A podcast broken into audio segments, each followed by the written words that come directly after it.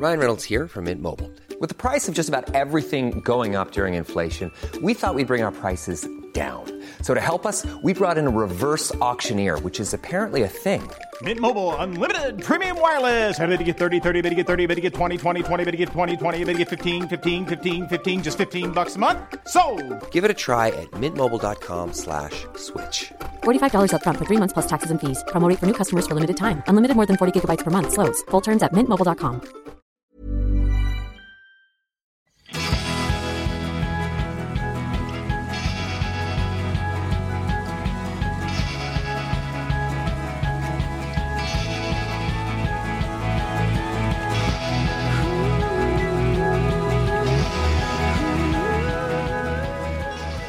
Annie Pettersson är molekylärbiolog med en forskarexamen i medicin från Karolinska institutet. Hon har arbetat med livsstilsmedicin i många år och tillsammans med sina kollegor driver hon Thrive Wellness Solutions. De brinner för att hjälpa människor som lider av för mycket stress. Och de har att göra kan jag berätta för andelen sjukskrivningar i Sverige som orsakas av psykisk ohälsa har under de tio senaste åren ökat från 30 till 49 procent. Över hälften av dem kan direkt relateras till stress och den stressrelaterade sjukfrånvaron bland kvinnor i åldern 25 till 29 år har ökat med, ja håll i det nu, 370 procent under samma tid. Så det är viktiga saker som Lina nu ska prata med Annie om här i Food Pharmacy-podden. Stress har ju blivit en av våra mest utbredda sjukdomar idag. Mm. Och eh, statistiken kring stress visar att det är en vanlig orsak till både psykisk och fysisk sjukdom. Berätta, hur, hur ser det ut? Hur stressade är vi idag?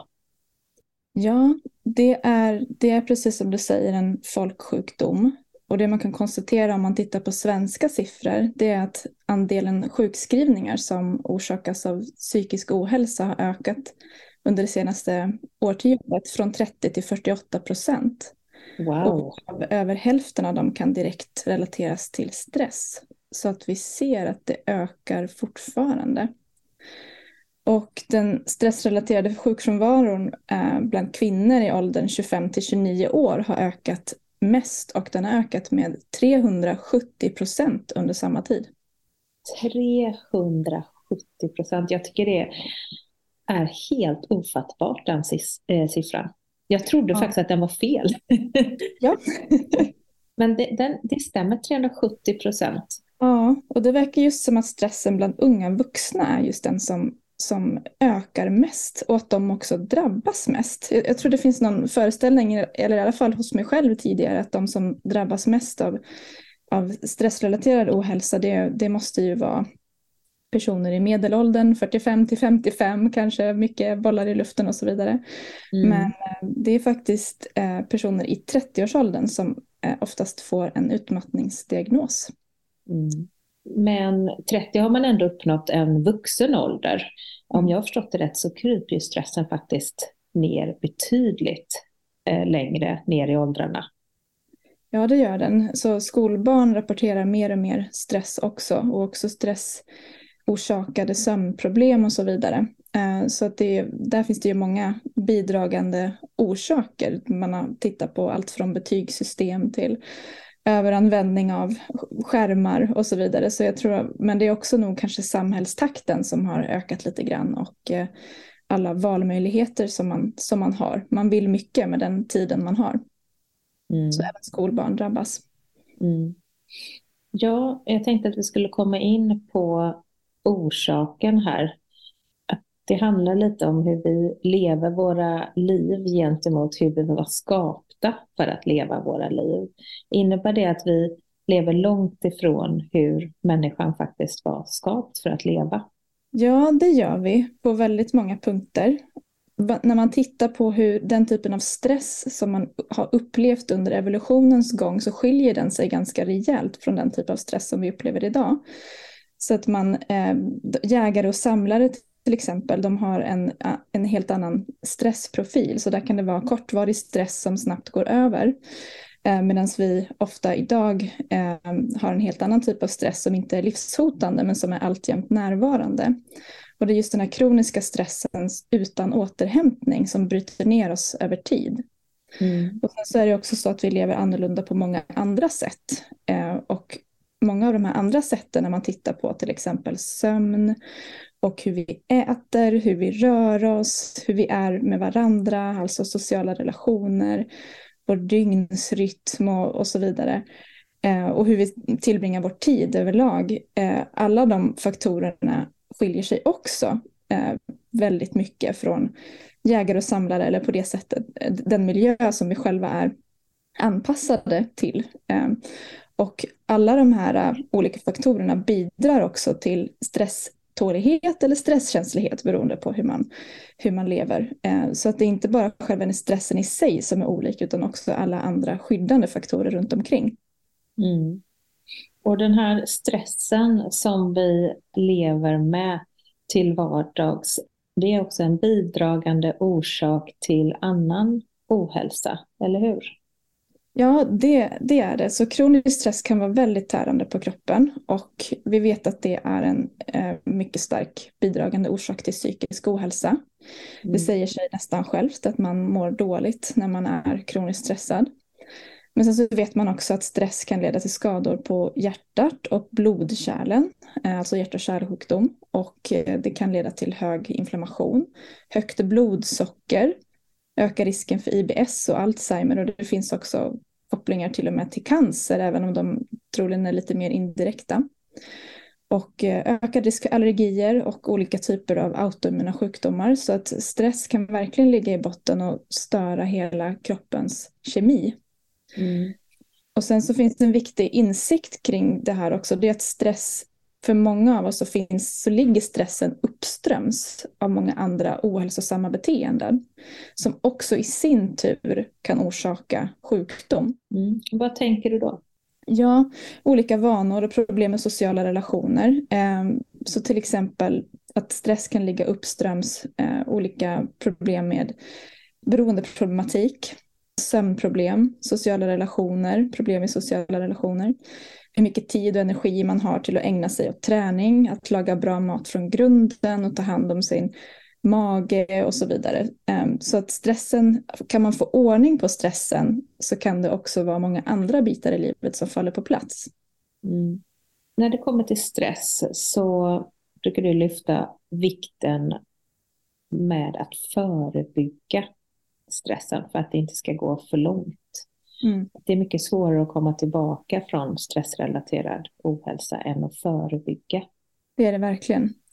Det man vet är att personer som har hamnat i en utmattningsdiagnos i Sverige så vet man att till och med efter sju år så är det väldigt många av dem som fortfarande har symptom. Så det kan vara stresskänslighet, eh, trötthet och så vidare.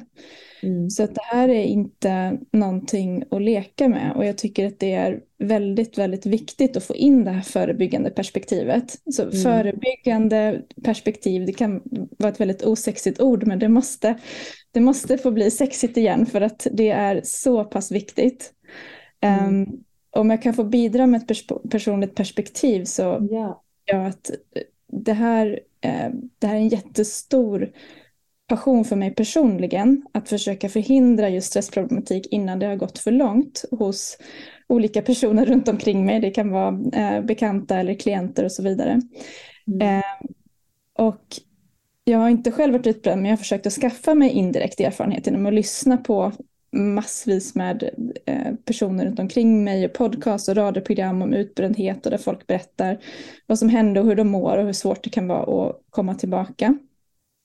Och den samlade erfarenheten som jag tycker att jag har kommit till är att man kan se ofta under en utmattningsresa att det finns flera tillfällen där man kanske hade kunnat vända det här om man hade bett om hjälp eller tagit tag i det i tid. Eftersom att jag har pratat med så många om det här så tycker jag att mitt bästa tips till den som känner sig stressad och kanske inser att man borde göra någonting åt det, det är att ringa en utbränd vän och låta den personen förklara hur det känns att vara utbränd i kroppen och vilka livsdrömmar som han eller hon kanske har behövt ge upp och hur det har påverkat deras partner, deras barn, arbetsförmåga, stresskänslighet. Vissa blir nästan allergiska mot stress efter en utmattning. De mm. kanske har förlorat tolerans för kaffe och alkohol. Ehm, det kanske behövt påbörja medicinering och kanske har fått biverkningar av det. Så jag tror att många av de som är utmattade kanske kan bidra till den här förståelsen att det är viktigt att bromsa innan det är för sent. Mm. Jag tänker Annie, du har ju lång erfarenhet av att arbeta inom funktionsmedicinen. Och ofta är det ju människor som söker sig eh, till funktionsmedicinen som inte har fått hjälp i den traditionella vården. Hur vanligt skulle du säga, jag förstår att du inte kan ge mig en exakt siffra, men hur vanligt är det bland de klienter som söker till er att de har ett väldigt stressat liv? Ja, alltså det finns ju med i bilden hos väldigt många. Jag ska säga inte alla, eh, men väldigt, väldigt många så ligger det med. Och det, jag tror att där är det också viktigt att skilja på symptom som stressen i sig har orsakat och det som jag var inne på tidigare, vad stressen har gjort med, med övriga faktorer i livet. Så när man är stressad så har man inte tid att äta bra till exempel och ta hand om sig och det börjar störa sömnen.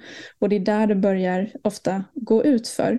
Så jag, och jag tycker också att många personer som drabbas av symptom när man är väldigt stressad så ignorerar man dem och, och, har inte tid och energi att ta tag i dem.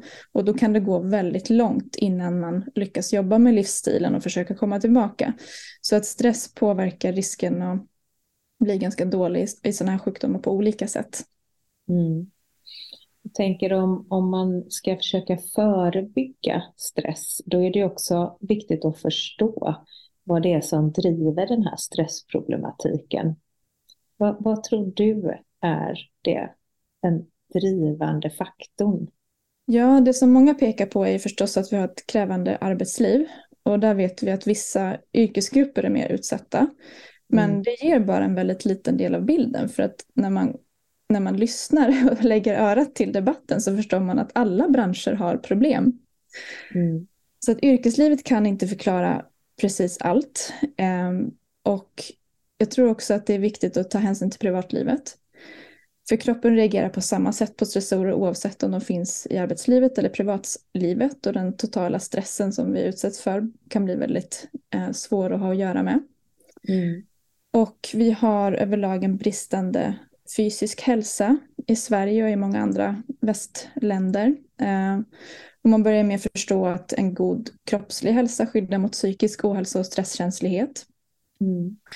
Och det är också en viktig aspekt att vi har väldigt fullbokade kalendrar eh, så, och att vi helt enkelt har bokat, det är så mycket vi vill göra så man packar vardagen full med åtaganden och har väldigt lite tid för det som man kan kalla för slack, alltså tid, lite så här bufferttid kan man säga. Mm. Så händer det ingenting så kan man vila och återhämta sig och ägna sig åt det man tycker är kul. Men händer det någonting som man behöver ta tag i, då finns den där tiden att plocka av. Men många av oss har liksom sorterat bort den tiden helt från våra kalendrar, så när det väl händer någonting eh, någonting allvarligt. Det kan vara no någonting händer med huset eller någon blir, eh, det kan vara svår sjukdom eller dödsfall eller någonting som får hela vågen att gå över på ena sidan. Så har man inte den tiden eh, och den energin och, och, så är det en kraftig riskfaktor för utbrändhet. Mm. Eh, och man tror ju, många tror ju att de är oumbärliga idag och att man inte kan sjukskriva sig. Men sen när man väl är så pass utmattad att man måste sjukskriva sig, då visar det sig att det gick.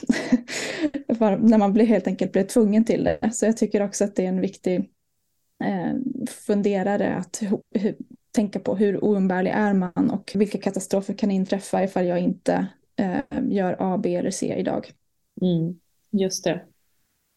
Jag tänkte på det här med eh, att ha en fullbokad kalender. Vi har ju levt under lång tid i ett prestationsbaserat samhälle där det eh, har ansetts som bra att vara högpresterande och ha en fullbokad kalender. Hur mycket tror du att den här sociala attityden spelar in? Att det är någon form av grupptryck, att vi, vi ska kunna hantera många bollar i luften samtidigt.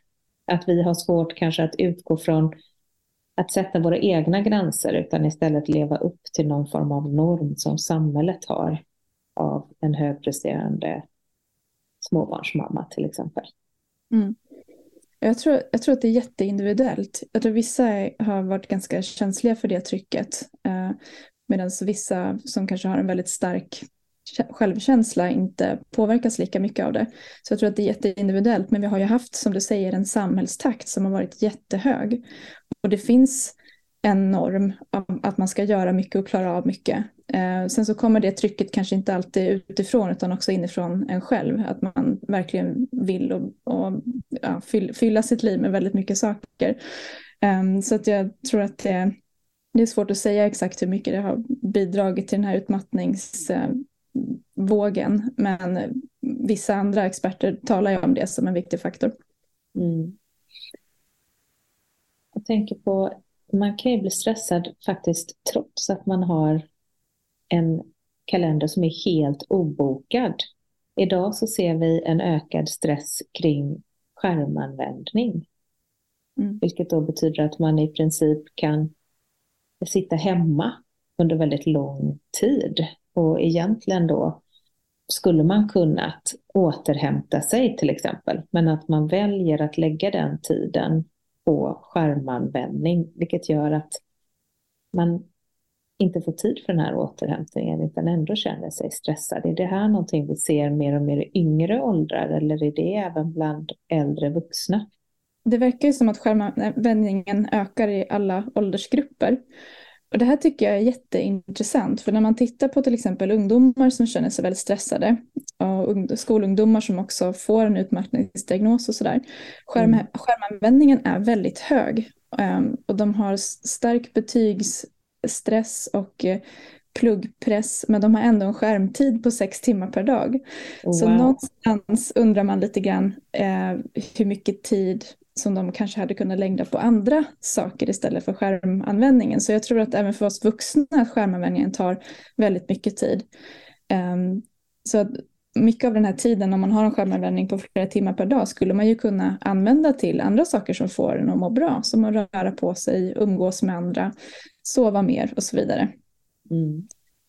Så att, eh, man vet ju till exempel att många, framförallt ungdomar, kollar mobilen på nätterna, eh, så vilket stör nattsömnen. Och en god nattsömn är också ett starkt skydd mot stresskänslighet.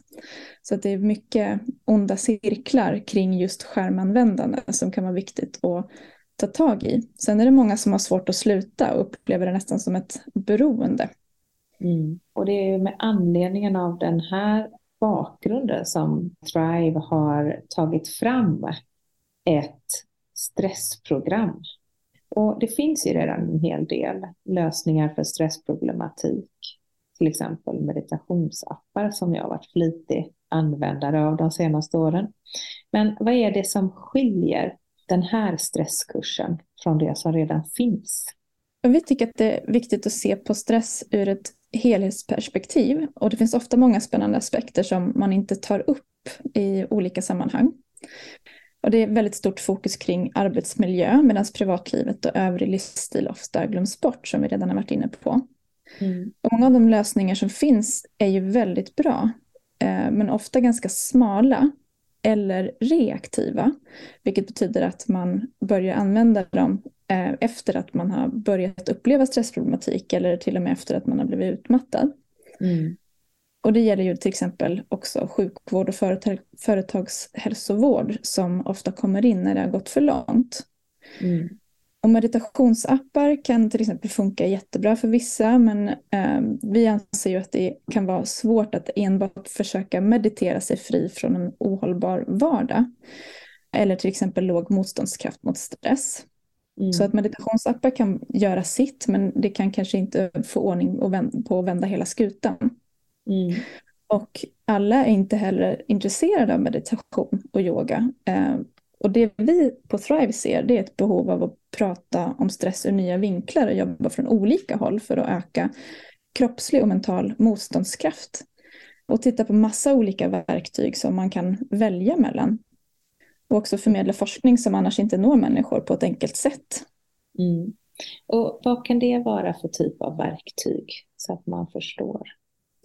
Ja, det kan vara till exempel olika verktyg, reflektionsövningar. Eh, det kan vara att man sätter sig ner och eh, på ett systematiskt sätt identifierar stressorer i sitt eget liv. Olika reflektionsövningar över hur man vill använda sin tid till exempel. Och sen så olika övningar för hur man kan bygga upp krockkuddar mot stress eh, som då liksom baseras i forskningen. Mm. Och vilka, vissa tricks för att optimera, optimera sitt nervsystem och må bättre mentalt. Optimera sitt nervsystem, det, det låter komplicerat men det är egentligen rätt enkelt, eller? Det beror på hur man ser på det, men det finns väldigt många olika tekniker och olika livsstilsfaktorer som påverkar nervsystemet och hur, hur väl vi hanterar till exempel stress. Ehm, så att man kan se till exempel hur sömnen och kosten vi äter och tarmfloran påverkar vårt nervsystem och hur det reagerar vid stress, hur man utsöndrar stresshormoner till exempel och hur väl man klarar av att hantera olika situationer i livet. Så hur ser det här stressprogrammet ut? Hur, hur ser som hela upplägget ut? Kan du berätta lite om det? Ja, det är ett digitalt stressprogram. Eh, det består av tre delar. Och i varje del så är det en teoretisk del för förståelse och sen så praktisk tillämpning. Och där så har vi ett stort antal verktyg att välja mellan. Och all information baseras på forskning. Mm. Programmet är uppbyggt steg för steg i en logisk struktur som är lätt att följa. Och det som vi känner är att många som lever med stress är att de, de, känner att de är så stressade och inte riktigt vet var de ska börja ens för att ta tag i det här. Så vi försöker göra det logiskt och enkelt eh, och liksom, så att man jobbar strategiskt men också tankeväckande och intressant. Och försöka täcka delar eh, kring stressproblematik som ofta glöms bort. Mm. Alltså, där sa du ju någonting som jag tycker är väldigt talande för stress. När man i perioder i livet när jag har känt mig som mest stressad, då har jag ju också haft som minst förståelse för att det är nu jag verkligen ska ta mig den här tiden. Mm. Att till exempel eh, stanna hemma eller försöka vila, sova lite extra. Mm. För jag har ju inte tid med det. Jag har ju så mycket att göra. Jag tror att vi är många som kan känna igen oss eh, i det och jag vet ju att ni arbetat mycket med de här aha-upplevelserna, eller hur? Mm. Vi försöker eh, täcka in väldigt många olika områden så att man kan känna igen sig och ge lite oväntade vinklar också på stressproblematik. Mm det är till exempel inte så många som känner till till exempel att vår tarmflora och olika ämnen som den kokar ihop har en förvånande koppling till vår stresskänslighet och kan påverka hur reaktivt vårt nervsystem blir och hur mycket av våra stresshormoner som vi utsöndrar och så vidare. Så där finns det ganska mycket pågående forskning kring det och det tycker jag är jättespännande. Mm. Och sen så är det nog inte heller många som känner till att vi, vissa specifika näringsämnen är viktiga för att kunna ha en normal stressreaktion. Och om man har brister på dem så finns det en risk att man får en överdriven stressreaktion eller att man har svårt att lugna ner sig efter en stressig period. Vad är det för typ av näringsämnen? Det är ju spännande tycker jag. Ja, där har vi ganska många faktiskt. Så man har identifierat bland annat zink och magnesium och eh, A-vitamin som viktiga bidragande faktorer till stresstålighet. Eh, D-vitamin finns där också. Och de här ämnena behövs eh, för att optimera nervsystemet, bland annat för att se till att vi kan tillverka eh, signalsubstanser som nervsystemet använder och också för att kunna bryta ner dem när vår stressiga period är över. Mm. Magnesium, jag menar, det läser vi om att så många människor har brist på. Är inte det någonting som vi dessutom får brist på? Att det blir lite av ett moment 22, att det är lätt att förlora magnesium när man är väldigt stressad. Mm, det stämmer faktiskt. Att under stressiga perioder så kissar vi helt enkelt ut mer magnesium. Eh, troligen för att det används i så hög utsträckning. Så att när vi är eh, stressade så behöver vi till och med ännu mer magnesium än vi annars gör. Och det som är lite lurigt är, är ju precis som vi har pratat om tidigare, att när man är stressad så brukar man äta lite sämre mat än man gör annars. Man sträcker sig gärna efter snabbmaten och något som går snabbt att koka ihop. Eh, mm. Som ofta generellt sett är näringsfattigare än mat som man lagar själv från grunden från bra råvaror. Mm. Så där har vi ytterligare en sån här ond cirkel som kan uppstå kring stress. Jag tänker, kan man, det finns ju vissa vitaminer som man faktiskt kan och mineraler som man kan överdosera. Kan man överdosera man kan väl överdosera allting, men jag tänker om man inte har testat sina magnesiumnivåer och börjar äta ett tillskott av magnesium, finns det risk för överdosering? Mig veteligen så är risken väldigt låg. Jag vet att jag har kollat upp det någon gång och det är eh, det är en, ett, ett, väldigt säkert mineral. Sen så är det vissa som kan bli lösa i magen beroende på vilken eh, sort man har. Och sen så är det viktigt också att lyssna på sin kropp. Så att om man tar magnesium och märker att man mår sämre så är det viktigt att sluta. Eh, och sen börja igen för att se om det var just magnesiumet som orsakade det. Men det, det, det anses vara ett väldigt säkert mineral.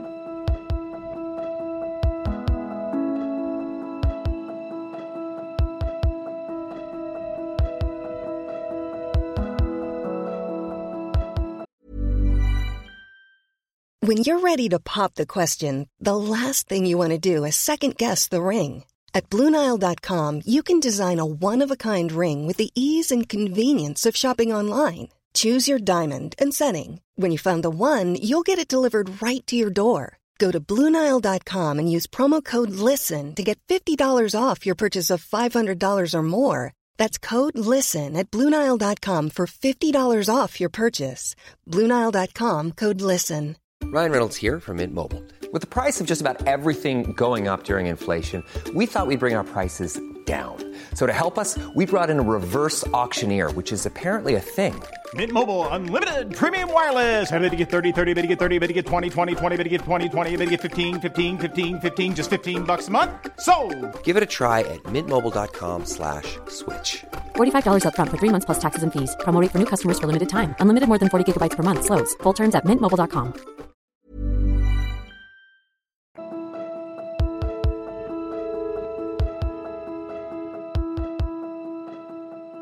tillbaka till det här stressprogrammet som jag är faktiskt väldigt glad över att ni har tagit fram.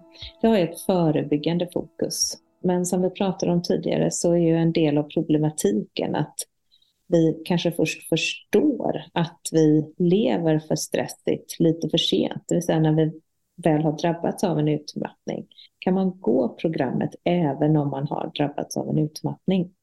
Absolut kan man göra det. Eh, vi vill dock vara tydliga med att man inte genom programmet kan behandlas för någon sjukdom eller diagnos. Men det tror jag säger sig självt. Men att jobba mot en hållbar vardag och hållbar livsstil kan hjälpa också personer som är utmattade att må bättre. Och vi tänker också att det kan minska risken för återinsjuknande, för det är många som har fått en utmattningsdiagnos som återinsjuknar igen efter en tid.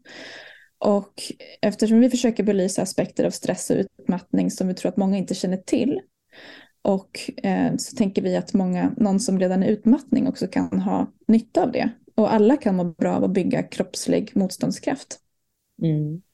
Jag kommer ihåg för många år sedan nu, i början tror jag det var av vår eh, bekantskap, så fick jag ju göra en så kallad HRV-mätning. Och eh, jag visste ju att jag levde ett väldigt stressigt liv. Då eh, var jag småbarnsmamma till nästa del, till stor del ensamstående och liksom jobbade jättemycket.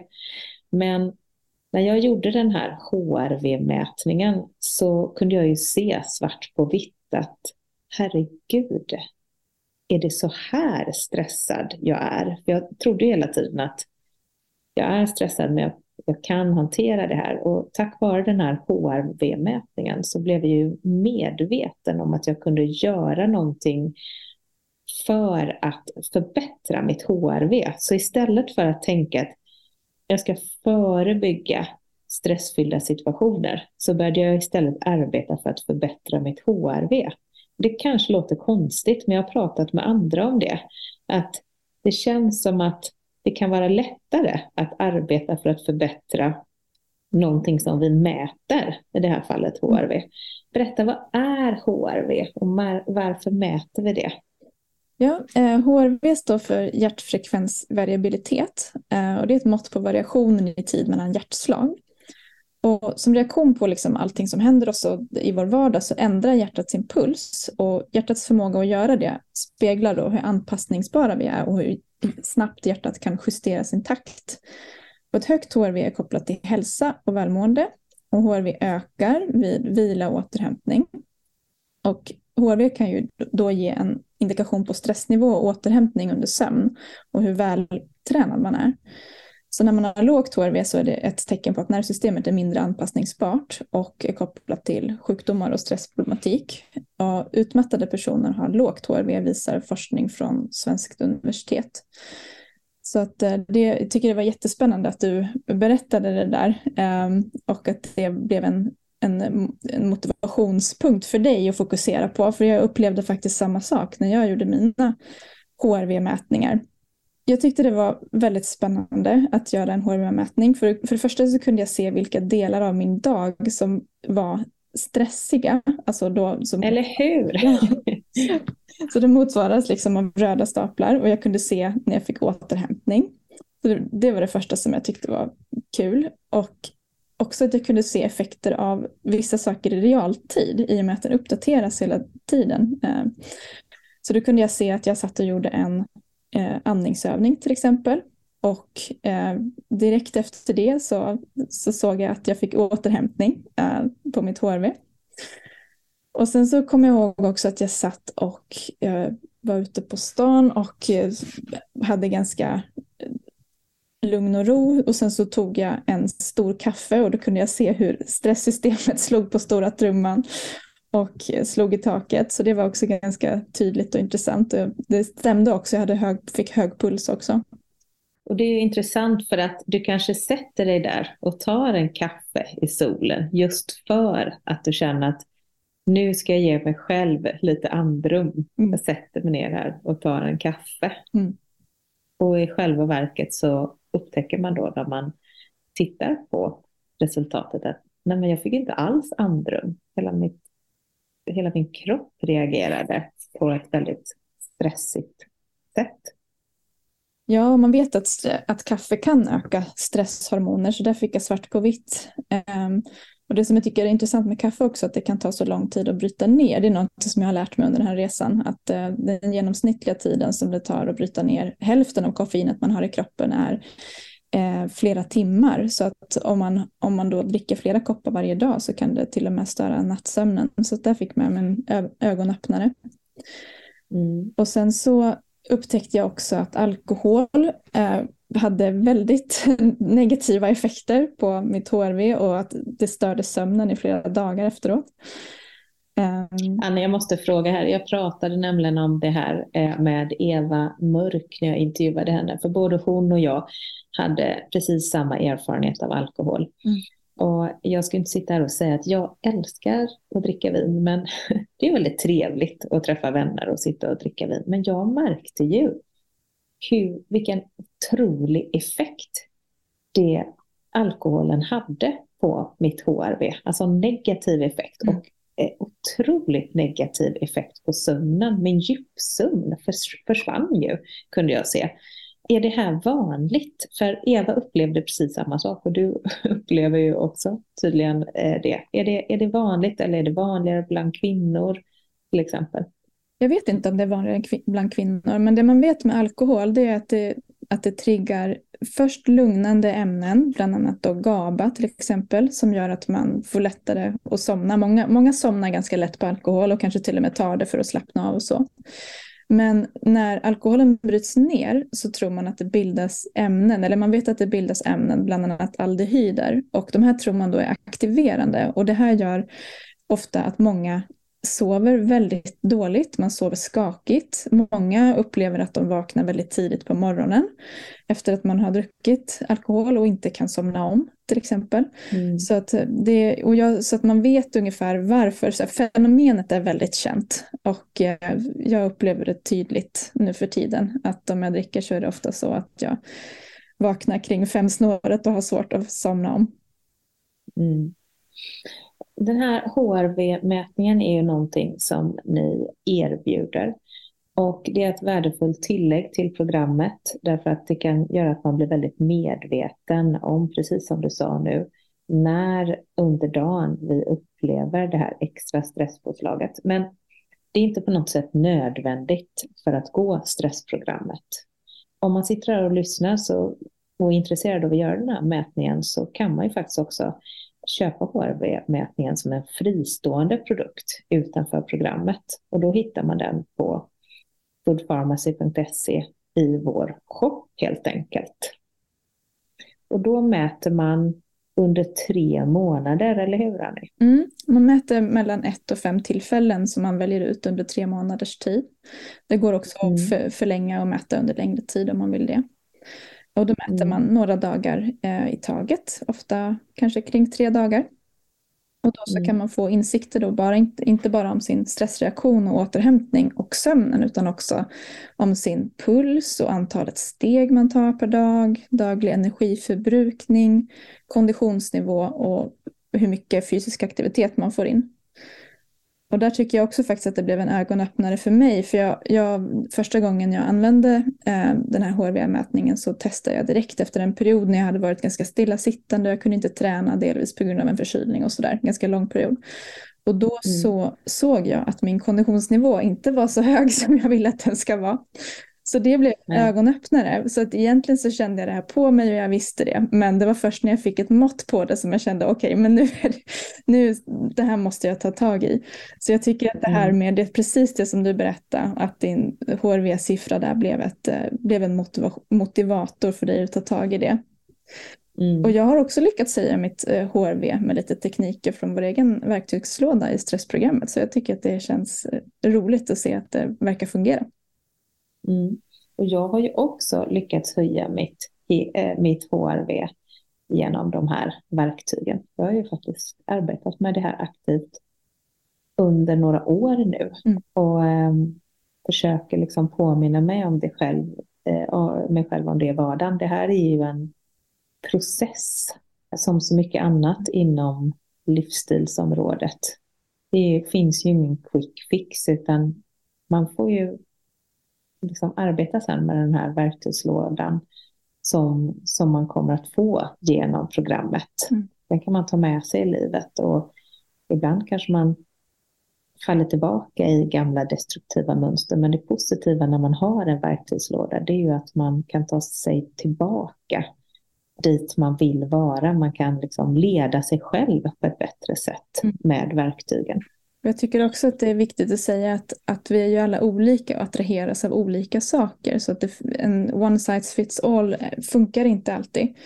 Och därför tycker jag det är kul att kunna erbjuda eh, massa olika saker. Jag är till exempel en sån som inte attraheras av meditation eller yoga. Eh, så där finns det andra saker för mig att göra.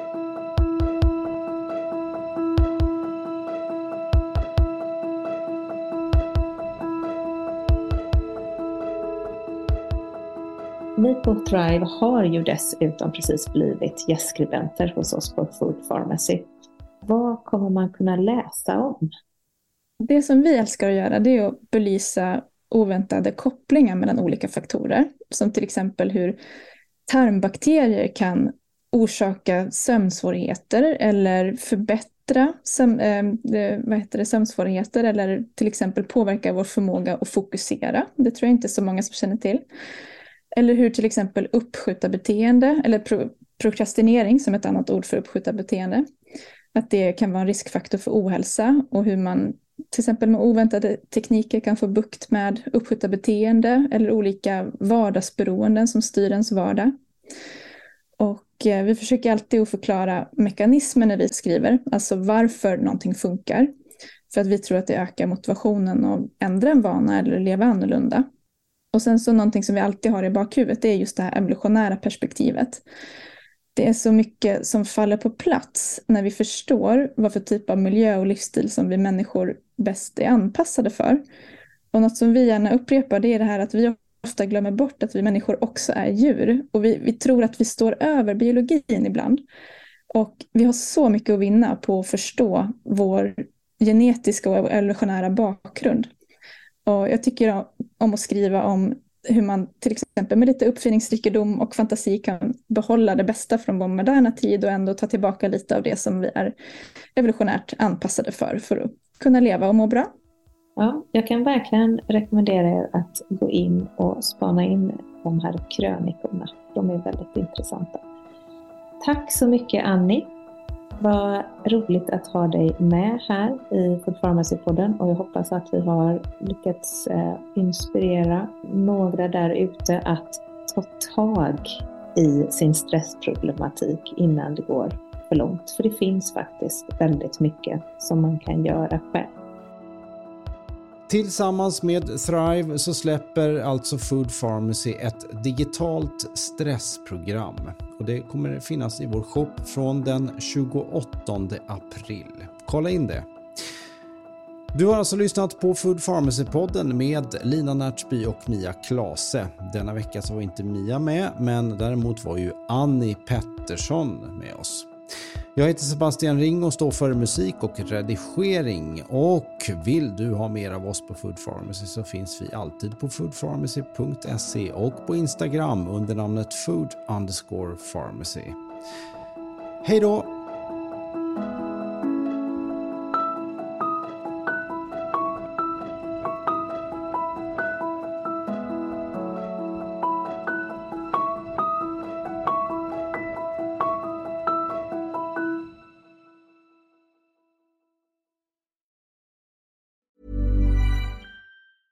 Hey, it's Paige DeSorbo from Giggly Squad. High quality fashion without the price tag. Say hello to Quince.